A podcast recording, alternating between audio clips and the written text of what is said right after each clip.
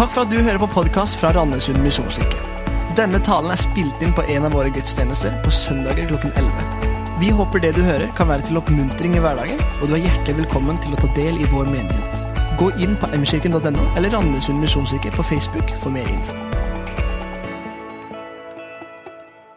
Noen av de der virkelig gode barndomsminnene som jeg har, det er fra en liten hytte som mine besteforeldre hadde ved et lite tjern i Vest-Telemark. Og der elsket jeg å ro omkring i en liten, gammel trepram og fiske tryte eller abbor. Og jeg kunne holde på der i timevis. Det var egentlig alt jeg trengte. Det var å være der og fiske. Og så syns jeg det var ganske flott å ro også. Eh, her ser dere et bilde av eh, den gamle treprammen. Og jeg som i hvert fall øser på dette tidspunkt, men ganske snart så begynte jeg å ro. Og det var utrolig Jeg syns det var gøy, det òg. Og det å ro en sånn gammel trepram det, det har noen tekniske utfordringer. Og en av utfordringene det er jo det at man sitter mot fartsretningen. Man ser bakover, og man ser ikke den veien man ror. Så hvordan i alle dager skal man da kunne på en måte holde kurs? Jo, jeg lærte ganske raskt, sikkert sånn som alle andre som har rodd, har lært, at det gjelder å finne et punkt på den andre siden av tjernet, et tre eller en stein eller en godt synlig bergnabbe. Og så, så lenge den var rett over den bakre tofta, ja, så kunne jeg ro ganske snorrett og komme dit jeg ville. Men hvis jeg begynte å bli for opptatt av fiskestanga eller bølgene som, eh, som skvalpa mot båten, eller av noe annet ting, eller bare på en måte tankene sveiv, så var det ikke lenge før jeg endte et eller annet sted jeg ikke ville ende, og så var jeg langt, langt ute av kurs. Men blikket festa på et godt synlig fjell eller et berg, så kunne jeg, om du ville, ro baklengs inn i framtiden. Jeg hadde et punkt å sikte mot. Jeg kommer til å tenke på det her da Marius Hodne, ungdomspastoren vår, leste noen vers fra Josva på stabsmøtet. Vi skal ta oss tid til å dele de også her. Det står slik i Josva kapittel 1 og fra vers 7.: Vær bare modig og sterk, så du trofast følger hele den loven som Moses, min tjener, påla deg å holde. Vik ikke av fra den, verken til høyre eller venstre, så skal det lykkes overalt hvor du går. Denne loven skal du alltid ha på dine lepper. Les fra lovboken dag og natt, så du trofast følger alt det som er skrevet i den. Da skal du ha framgang der du ferdes, og alt skal lykkes for deg. Jeg har sagt, vær modig og sterk. La deg ikke skremme, og mist ikke motet, for Herren din Gud er med deg overalt hvor du går. Det er noen fantastiske løfter om Herren som er med, om å ha fremgang, om lykkes. Og hvordan? Jo, ved å holde seg til loven, til å ikke vike av til høyre eller til venstre. Og så tenker jeg, Hvordan skal det være mulig? Liksom Finne denne kursen, dette, på en måte holde det. Og hvor da jeg kom til å tenke på mine roturer som liten. Og Det handler om å ha et fast punkt. Noe vi kan sikte mot. Og jeg tenker, det har vi i Jesus Kristus. Han som er lovens oppfyllelse. Og han har på en måte reist et fast punkt i vår tilværelse og i historien så synlig og så tydelig at vi kan feste blikket på det. Og så kan vi få lov til å ha denne kursen, denne rette linja, inn også i framtiden. Eh, og Derfor så har vi egentlig denne taleserien her, som vi har kalt Fjellstøtt. Fordi vi ønsker å på en måte synliggjøre tydeligere Jesus, hvem han er, hva han sa, hva han gjorde, slik at det kan bli lettere for oss å nettopp feste blikket på ham. Det som vi skal snakke om i dag, det som er temaet i dag, det er egentlig dette med bekymring. Det er det som Jesus snakker om i den teksten vi skal ta for oss. Og jeg synes egentlig Det er ganske sånn fantastisk at Jesus igjen, i dette som er hans viktigste tale, hvor han snakker om de der store, dype teologiske sannheter som handler om, om gudsbildet og Guds rike og det evige liv, alle på en måte de store spørsmål, ja, så tar han seg tid til å snakke nettopp om dette som er så dagligdags og så allment og nesten trivielt, som har med bekymring å gjøre. Jeg syns egentlig det er ganske typisk Jesus. Og Poenget er jo det at dette henger sammen. De store, tunge teologiske og åndelige spørsmålene de har direkte konsekvenser for vårt hverdagslige liv, om hvordan vi lever med hverandre, om hvordan vi har det inni oss, hvordan vi tenker og hvordan vi ser på, på måte, samfunnet omkring oss. Jesus er så utrolig relevant egentlig for alle mennesker. Til alle tider, på alle steder, så treffer det oss. Og det er nettopp fordi at det, det henger sånn sammen. Hva vi tenker om Gud, og om vi bekymrer oss. Så Det som er temaet for denne talen, det er en annerledes trygghet. Og Det er det vi har lyst til å på en måte forsøke å løfte opp. At Jesus viser oss i en tekst her noe om dette, hvordan det går an å ha en annerledes trygghet. Sånn at vi kan slippe alle de bekymringer som veldig mange av oss sliter med, og som vi på en måte ikke kommer ut av. Jeg er sikker på at vi alle som sitter her i dag, vi har erfaring med bekymring. I ulik grad, fordi vi er ulike personligheter, og fordi livet har møtt oss på ulik måte. Men jeg er sikker på at vi alle sammen har opplevd det. Bekymring starter gjerne med en eller annen tanke, en eller annen negativ tanke eh, om at noe kommer til å gå galt et eller annet sted, at vi kommer til å mislykkes, at en eller annen katastrofe eller krise kommer til å inntreffe.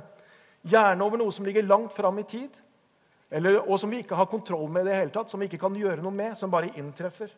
Og Det typiske med sånne bekymringer er jo det at liksom den ene negative tanken tar den neste, og til slutt så har vi på en måte spunnet et sånn mørkt nett av negative tanker inni hodet vårt. For omtrent 70 år siden så kartla noen forskere om hva er det folk egentlig bekymrer seg over. Og Det kan jo hende at du hadde tippa det om du skulle ha tippa de fem hovedtemaene. Men de sa den gangen at det handlet om utdannelse, om forhold til andre mennesker, om familie, om økonomi, om helse. Og Så sier forskere i dag at det er omtrent akkurat det samme vi bekymrer oss for i dag. 70 år senere. Det virker som om dette med bekymring er ganske konstant hos mennesker.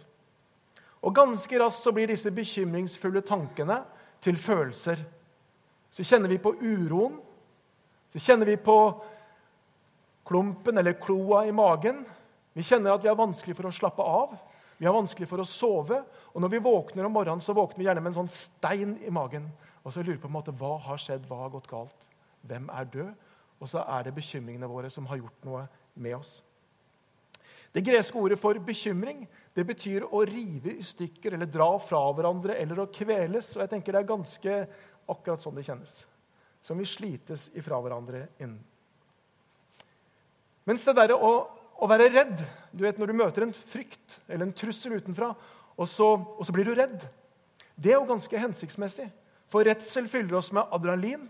Eh, vi på en måte blir handlekraftige. Noen ganger så kjennes det nesten som tiden står stille. liksom Vi får et sånt klarsyn. Eh, vi får mot og vi får handlekraft til å gjøre ting vi trodde ikke det var mulig at vi skulle gjøre. Og Det er mange eksempler på det. Og så tenker jeg, Mens bekymring er egentlig det stikk motsatte. Eh, vi, vi, lammes. Det tar kreftene våre. Det er som det, på en måte, kreftene renner ut og blir borte. Og så blir vi på en måte bare sånn helt paralysert, og så får vi ikke gjort noen ting.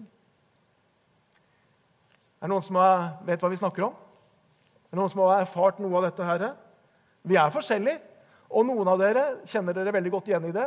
Mens andre av dere er litt sånn fra naturens side mye, mye litt sånn, ja, lettere sinn. Det er sånn Ja, men det går alltids bra. Det ordner seg til slutt. Ja, ja, ting fikser seg. Sant? Noen er sånn. Og Jeg hadde ofte tenkt jeg skulle ønske jeg var sånn. Jeg skulle ønske jeg hadde det sånn. Det virker så utrolig enkelt og lett. For jeg er ganske god ekspert på dette med bekymring. Jeg har bekymra meg mye. Jeg husker tilbake fra jeg var sånn slutten av tenårene, begynnelsen av 20-årene. Den der overgangen der hvor jeg måtte, på en måte ta mer ansvar sjøl. Det opplevde jeg som en veldig sånn bekymringsfull periode. Og jeg husker jeg bekymra meg veldig for framtida. Eh, det der jeg skulle forsørge seg sjøl og eventuelt forsørge en familie, det virka utrolig skummelt. Og liksom sånn, Jeg kommer aldri til å få en jobb, tenkte jeg. Ikke sant? Ikke tale om, Jeg kommer aldri til å få noen jobb. Jeg kommer ikke til å klare å kjøpe meg hus noen gang. Jeg kommer ikke til å klare å, på en måte, betale alle de tingene som jeg må betale. Og så var det der på en måte noe som jeg, jeg ofte lå våken og tenkte på og bekymra meg veldig. Og så var ikke jeg av de som snakka mest med, med, folk om ting som jeg syntes var vanskelig. Det er noen menn som er sånn. Men hvis jeg sa det til noen, hvis jeg var noen liksom jevnaldrende jeg liksom lufta det litt med, og sa at jeg syns det der er vanskelig, jeg bekymrer meg litt for framtida, sånn, så vet du hva jeg fikk som svar? De sa det der, det fikser du, Jarle. Du er jo så flink at det, Nei, men det, gå, det går bra. Det er ingenting å bekymre seg over.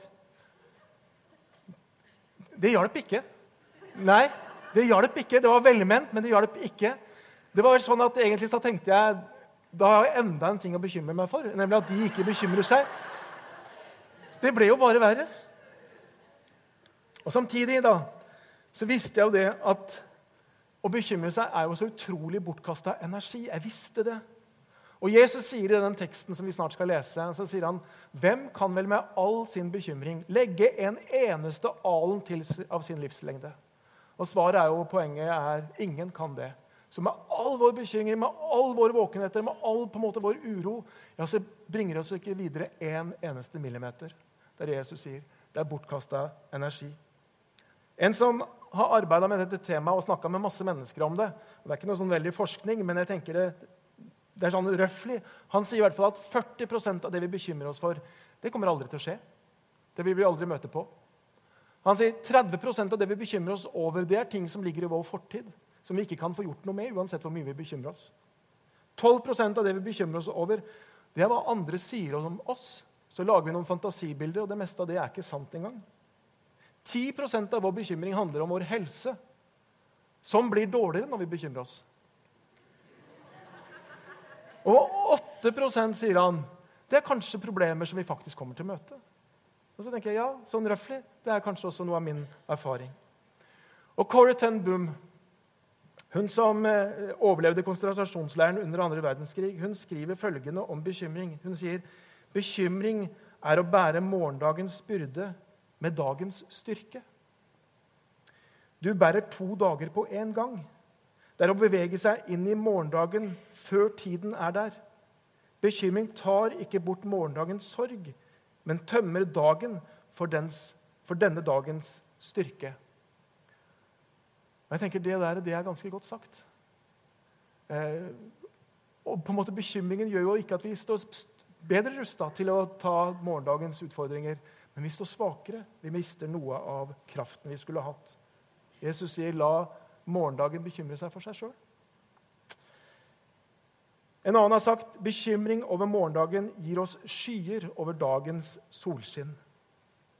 Og Så lurer du kanskje på finnes det noen vei ut. Finnes det en måte å vinne over disse bekymringene? Og det er det. Og det er også noe som jeg personlig har fått lov til å erfare. For i Det nye testamentet, i Jesu ord, i denne talen som vi jobber med disse søndagene, så finnes det en vei ut av bekymring som faktisk det er mulig å gå. Og det er mulig å gjøre på en måte den vandringen som gjør at vi mer og mer settes fri fra bekymring. Så det er det som denne teksten vi skal inn i i dag, handler om. Betyr det at jeg aldri bekymrer meg mer? Og det gjør jeg. Senest denne uka her så kjente jeg på noe av det. Men det det handler om, det er at jeg har fått en vei å gå. Og Derfor så vet jeg noe om hva er det jeg, hvilken steg kan jeg ta for at det kan hjelpe meg videre. Og Særlig i perioder hvor jeg er sliten eller hvor jeg kjenner meg åndelig tømt, så kjenner jeg at da er jeg mer sårbar for akkurat dette som har med bekymring å gjøre. Det er på en måte en av mine fallgruber i livet og i troen. Så skal vi gå til dagens tekst. Veldig spennende, flott tekst. Matteus kapittel 6, vers 25-34. Og vi leser sammen i Jesu navn. Derfor sier jeg dere, vær ikke bekymret for livet, hva dere skal spise, eller hva dere skal drikke. Heller ikke for kroppen, hva dere skal kle dere med. Er ikke livet mer enn maten og kroppen mer enn klærne? Se på fuglene under himmelen. De sår ikke, de høster ikke og samler ikke i hus. Men den far dere har i himmelen, gir dem føde likevel. Er ikke dere mer verdt enn de? Hvem av dere kan vel med all sin bekymring legge en eneste alen til sin livslengde? Og hvorfor er dere bekymret for klærne? Se på liljene på marken, hvordan de vokser. De strever ikke og spinner ikke, men jeg sier dere, selv ikke Salomo i all sin prakt var kledd som en av dem. Når Gud kler gresset på marken så fint, det som gror i dag, kastes i ovnen i morgen, hvor mye mer skal han ikke da kle dere, dere lite troende? Så gjør dere ikke bekymring og si ikke 'hva skal vi spise', eller 'hva skal vi drikke', eller 'hva skal vi kle oss med'? Alt dette er hedningene opptatt av. Men den far dere har i himmelen, vet at dere trenger alt dette. Søk først Guds rike og hans rettferdighet, så skal dere få alt det andre i tillegg. Så gjør dere ingen bekymringer for morgendagen. Morgendagen skal bekymre seg for seg selv. Hver dag har nok med sin egen plage. Skal vi be at Jesus åpenbarer ordet for oss? Nei, kjære Jesus, jeg takker deg for ditt ord til oss, og takk for den omsorgen som du har for oss, og som ligger i disse ordene her. Du ønsker å sette oss fri ifra bekymring. Og så ber jeg, Herre, at du må betjene oss denne formiddag med ditt eget ord. Og må du tale inn i våre liv det som gjør at vi forstår, at vi griper, at vi får åpenbart det som dette ordet skal bety i våre liv, Herre. I Jesu navn. Amen. Jesus sier i disse versene vi har lest, og han starter sånn, han sier 'vær ikke bekymret'. Og så er ikke det en sånn formaning med pekefinger. Sånn liksom at han sier 'nå må du se og skjerpe deg'. Kutt ut den der bekymringen. For det hjelper ikke. Det er bare sten til byrden for den som er bekymra. Men det Jesus gjør gjennom disse versene, her, det er nettopp å peke på en vei som vi kan få lov til å vandre. Jeg leste det nok lenge sånn at Jesus var litt sånn eh, tøff formaner med pekefinger. Og jeg fikk faktisk dårlig samvittighet fordi at jeg bekymra meg. Jeg tenkte det der det skulle jeg ikke gjøre, som liksom vet alt og har lest og osv. Og så har jeg bare lyst til å fjerne den der dårlige samvittigheten. Det er ikke det Jesus mener. Men han inviterer oss inn til å vandre en vei, og vi skal få lov til å slippe å kjenne på så mye bekymring som mange av oss gjør. Det første punktet som jeg har lyst, og første steget egentlig på denne veien, det er dette se det større bildet. Se det større bildet. For det er jo nøyaktig det Jesus ber alle som hørte hans tale, og alle som leser det seinere, om nettopp å gjøre. Han sier, 'Se på fuglene under himmelen. Se på liljene på marken. Gresset på marken.' Og poenget er den far dere har i himmelen. Når han har så mye omsorg for disse, tenk hvor mye mer omsorg han har for dere. Se. Og Det ordet betyr på gresk på grunnteksten betyr ikke bare sånn liksom la blikket sveipe over, men virkelig se. Undersøk, studer, virkelig finn ut av det, sånn at du skjønner hva dette handler om. Se på liljene på marken. Han sier 'utvid perspektivet', se det større bildet. For jeg tenker at Noe av problemet når vi bekymrer oss, det er jo nettopp det at vi blir på en måte Blikket vårt faller nedover og innover, og så får vi tunnelsyn. Og så ser vi liksom bare én en eneste ting. Så glemmer vi alt annet hva livet handler om. Vi ser bare det ene. Så ser vi liksom omtrent bare til nesetippen. Og noen ganger så blir vi også fryktelig selvopptatt i det der tunnelsynet vi får. Og så ønsker Jesus å si første steget er dette.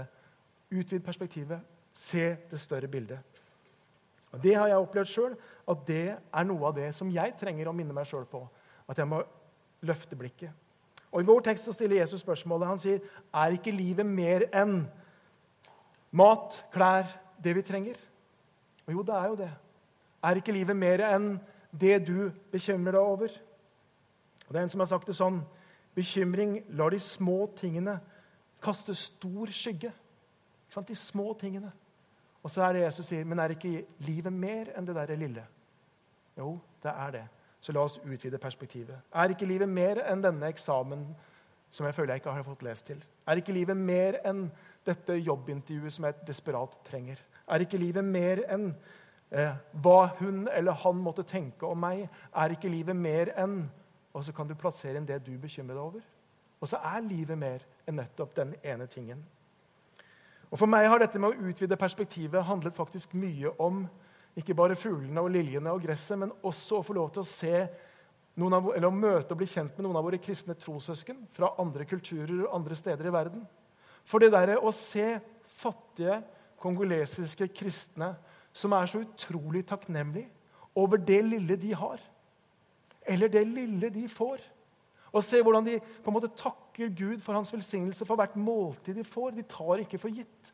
Og så tenker jeg, Det har gjort noe med meg i forhold til hvordan jeg tenker om det jeg bekymrer meg over. Eller det å oppleve forfulgte kristne som står under forfølgelse, trusler, trakassering, og se den frimodigheten som de har, den, den, den, den, tryggheten de har i sin tro, midt i en tilværelse som er utrolig utrygg.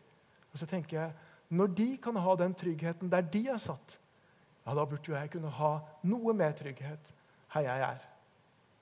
Eller det å høre vitnesbyrd eller høre mennesker fra kanskje andre tidsaldre dele noe om hva troen betyr i deres liv, og hvordan de ser det større bildet. Sånn som for Denne uka så kom jeg over en liten dagboknotat av en som heter Matthew Henry, som var en bibelfortolker som levde på 1700-1800-tallet. Og Han forteller hvordan han ble brutalt rana på vei hjem. Og Så kommer han hjem, og så setter han seg ned i dagboken sin og så skriver han følgende. Han sier, 'Herre, jeg takker deg for at jeg aldri har blitt ranet tidligere.' 'For at om de tok mine penger, så sparte de mitt liv.' 'For om de tok alt jeg hadde, så var det ikke mye.' 'For at det var jeg som ble ranet, og ikke jeg som ranet.' Og så tenker jeg ja, det handler noe om det å se det større bildet. Og så tenker jeg, Hadde jeg blitt rana, så kunne jeg ha tatt en helt annen approach enn det han gjør. Men det hjelper meg, og det minner meg på noen ting. Så noen ganger når jeg borer meg ned i mine bekymringer, så tenker jeg noen ganger Husk på det, Jarle, at størstedelen av verdens befolkning de ville gjort alt for å bytte eller for å ha hatt mine bekymringer. De hadde gjort alt for å kunne grue seg til en eksamen. For veldig mange har ikke noen eksamen å grue seg til. De hadde gjort alt for å kunne hatt et huslån som de strevde med å betale ned. For de har ikke hus, og de har ingenting å betale ned, og de får ikke lån. Størstedelen av verdens befolkning hadde elsket å ha en bil hvor man kunne erge seg over den første bulken. For de har ingen bil. Skjønner du? Det handler om dette. Løfte blikket, utvide perspektivet. Det andre steget som Jesus peker på i denne teksten, her, som vi så vidt har vært innom, det er altså at det er noe vi aldri skal glemme. Det er noe vi aldri må glemme, og det er Guds omsorg. Det er Guds omsorg, og det er jo poenget i noen av de versene vi allerede har vært innom. Se på fuglene under himmelen. Og så kommer det Men den far dere har i himmelen, gir dem føde likevel. Er ikke dere mer verdt enn de? Når Gud kler gresset på marken så fint, hvor mye mer skal han ikke da kle dere? Men den far dere har i himmelen, vet jo at dere trenger alt dette. Argumentet er fra det lille til det større. Hvor mye mer er ikke Guds omsorg overfor dere enn fuglene, gresset, liljene? Hvor mye mer? Og så ser vi noe av dette hvor mye mer på korset. Når Jesus dør, når Gud gir sin sønn av omsorg til oss. Hvor mye mer? Gud er en Gud som har lovet å ha omsorg for oss. Og så er det det derre Jeg vet ikke alltid hvordan det der skjer, eller når jeg ber om noe på en måte Når er det jeg får? Noen ganger så syns jeg det går veldig lang tid før jeg får det bønnesvaret jeg skulle ønske. Noen ganger så skjønner jeg ikke helt hvordan det henger sammen, det jeg opplever, og det jeg ber om. Men på en forunderlig måte så er min erfaring etter å ha levd 51 år, det er at når jeg ser tilbake, og så tenker jeg på alle de bekymringene jeg har hatt alle de katastrofefilmene som er lagd inni hodet mitt, så er det jo ingen av de som har blitt noe av. Men det jeg ser når jeg ser tilbake i mitt liv, det er jo Guds omsorg og Guds inngripen. Det er jo alle de stedene hvor jeg opp, har opplevd, og hvor vi som familie har opplevd at Gud han har jo vært med. Han var jo midt i det der. Og så har vi opplevd utrolig mange ganger hvordan det som vi trodde var en stengt dør, det som eh, vi trodde på en måte var eh, liksom dead end, og så plutselig så er det Gud som åpner noe annet. Og så er jeg i dag så takknemlig for at der, jeg fikk ikke den muligheten eller jeg fikk ikke den jobben. eller hva det var, Fordi Gud hadde for meg, var så utrolig mye bedre. Eller alle de økonomiske bekymringene. Og så ser jeg hvordan Gud igjen og igjen på forunderlig vis har på en måte ordna det, løst det. Det har blitt ok. Igjen og igjen og igjen. Og det er, min, det er mitt vitnesbyrd. Det er min historie om Guds store omsorg for meg og for oss i vår familie. Når jeg og Annike gifta oss, så ville vi ha et bibelvers inne i våre gifteringer. og Da ble det helt naturlig i hvert fall for oss å inngravere følgende vers. Kast all bekymring på Han, for Han har omsorg for dere. Og så har det vært noe vi har fått lov til å, å på en måte bygge både samliv og ekteskap og familie på. Kaste våre bekymringer på Han og erfare Guds omsorg. Det tredje steget som Jesus eh, viser oss i denne teksten som en vei ut av bekymring, det er å søke Hans rike først. Søk først mitt rike. Og så er det litt sånn at Når vi leser så føles det kanskje litt sånn ja, Det er på en måte veldig omsorgsfull tekst. Og plutselig så kommer det egentlig en, en slags utfordring som både føles veldig sterk, vanskelig, som føles kanskje litt sånn Det der er nesten for mye. Og det er mange som syns at det, akkurat den biten av Det nye testamentet er veldig vanskelig å forholde seg til. De ti bud, du skal ikke ha andre guder enn meg. Det Jesus sier her, søk først Guds rike. Når Jesus sier du skal elske Herren din Gud av hele din sjel og ditt hjerte og din kraft og alt. liksom det der, Men at Gud må ha førsteplassen. Og mange synes det, da blir på en måte, det er akkurat som Gud blir litt sånn sjalu, litt liten. altså Hvordan skal vi forstå det der? Og Det var en som kommenterte dette på følgende måte. Om Gud virkelig er Gud, og den eneste Gud, så er det jo unødvendig å be oss om ikke andre guder enn Han. Et lite gjennomtenkt bud syns denne personen at det var. Og sånn tenkte jeg, det, er litt vanskelig, det der.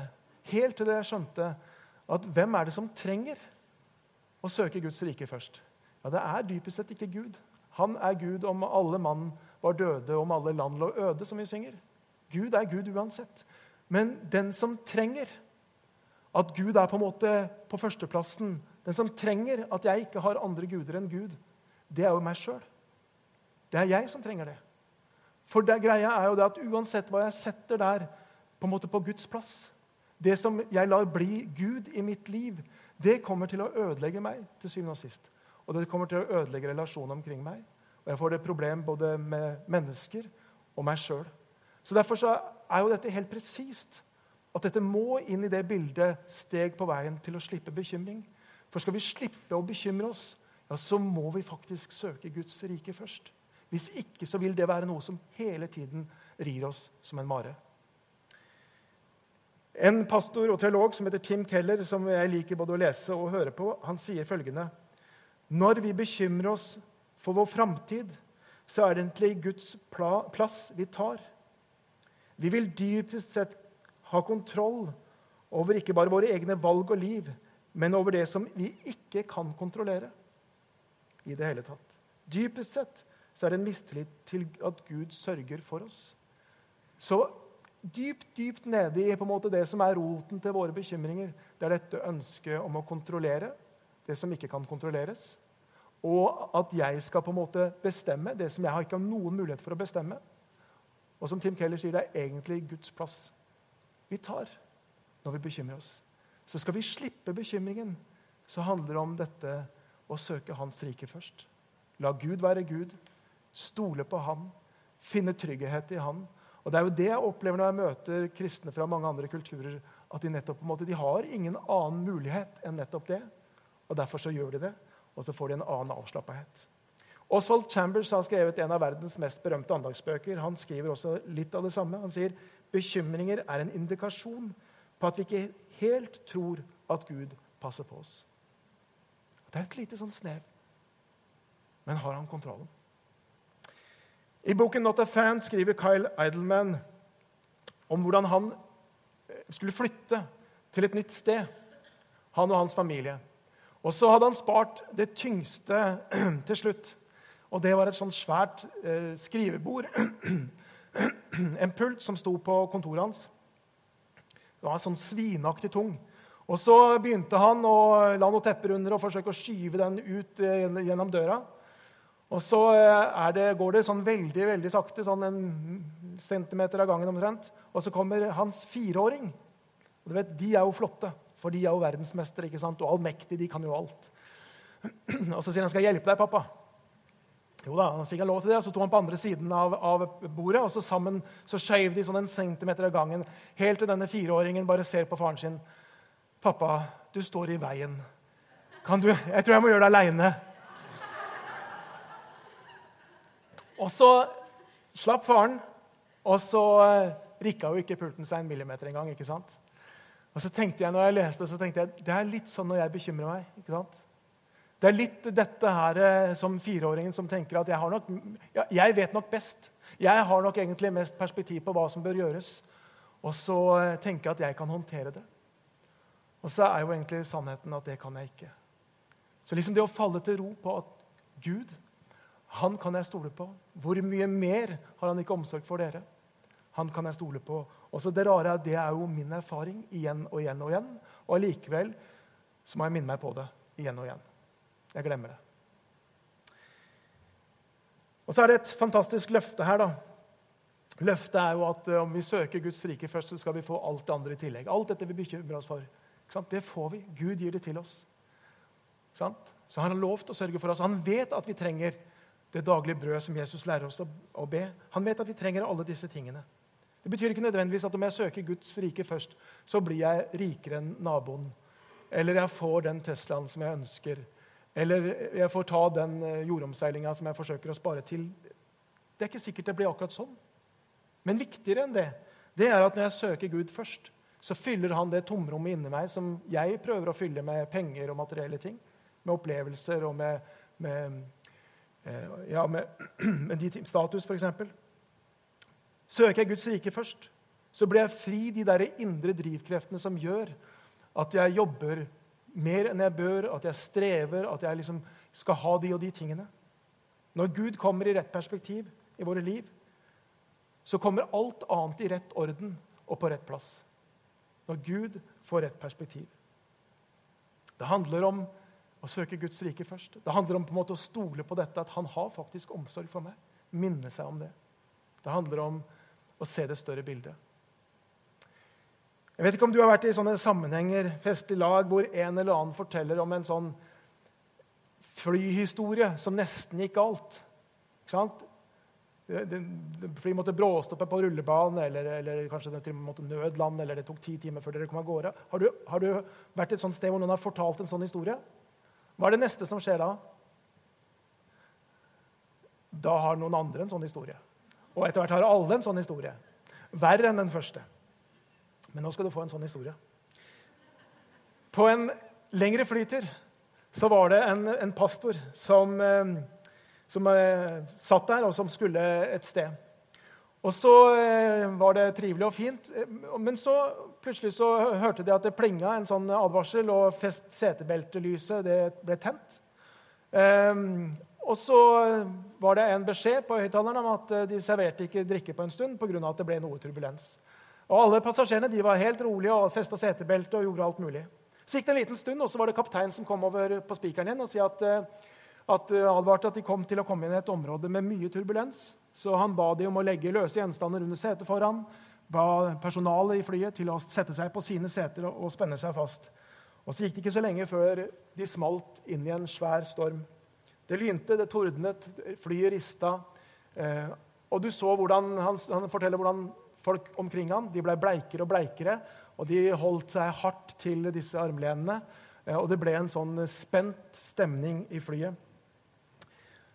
Og Så ser han seg litt rundt og så ser han at der var ei lita jente, sånn sju-åtte år, som satt der.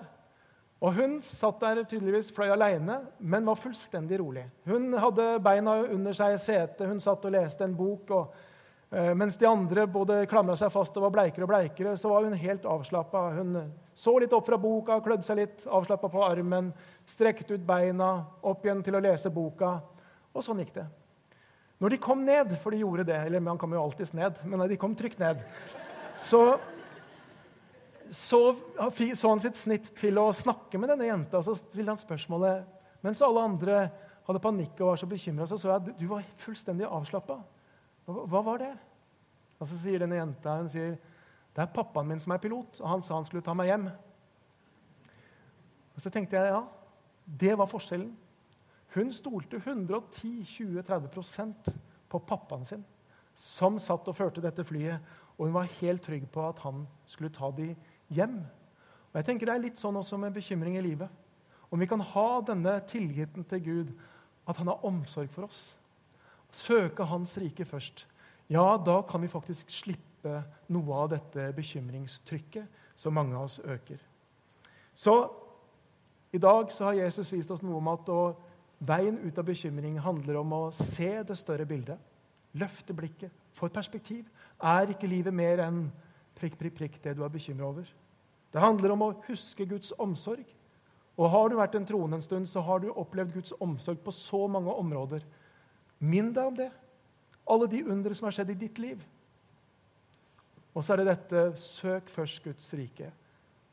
Han er denne pappaen som har kontroll, og som har lovet å føre oss hjem. Så om du sliter med bekymring Mange av dere har kanskje det, kjenner deg igjen i min historie. Så jeg bare lyst til å si at du kan få lov til å gå på denne veien. Du kan vandre den sammen med Jesus. Jeg har lyst til å be. Så kan det hende vi lukker øynene. så kjente jeg meg minnet på at Det kan være at det er noen av dere som kjenner at dere sliter med noe enormt med bekymring akkurat nå. For noe spesielt eller noe som har pågått lenge. Så kan du få lov til å løfte hånda di i været, og så vil jeg ta deg med i bønn på en spesiell måte. Hvis du kjenner at du sliter med bekymring. Og det er mange som løfter hendene sine. Mange som løfter hendene. Dere kan få lov til å ta dem ned. Og så ber vi. Kjære Jesus Kristus. Du kjenner hver eneste en som er her, Jesus. Du kjenner oss alle. Du vet nøyaktig hva som foregår i vår tankeverden, og du vet nøyaktig hva som vi kjenner i vårt følelsesliv. Jeg har bare lyst til å be deg at du skal hjelpe oss til å gå den veien mot deg, Herre, som gjør at bekymringene slipper. Må du hjelpe oss, Herre, sånn at vi kan få lov til å leve dette livet her nede, Jesus, i tiltro og tillit til du, at du har kontroll, at du er virkelig, at du lever, og at du har omsorg for oss. Takk, Herre, for oss alle som er her, og så må du hjelpe oss til å kaste bekymringene på deg og bare hvile i din omsorg. Jeg har lyst til å be spesielt for de som rakk opp hendene nå. Jeg ber at du skal komme til det, Herre, ved din ånd at du skal møte de, Jesus, i bekymringene. Og Må du hjelpe de, Herre, til å både se det større bildet. Må du minne de om all din godhet, Herre, og må du hjelpe de til å sette deg først i sitt liv. Jeg ber om det i ditt navn. Amen.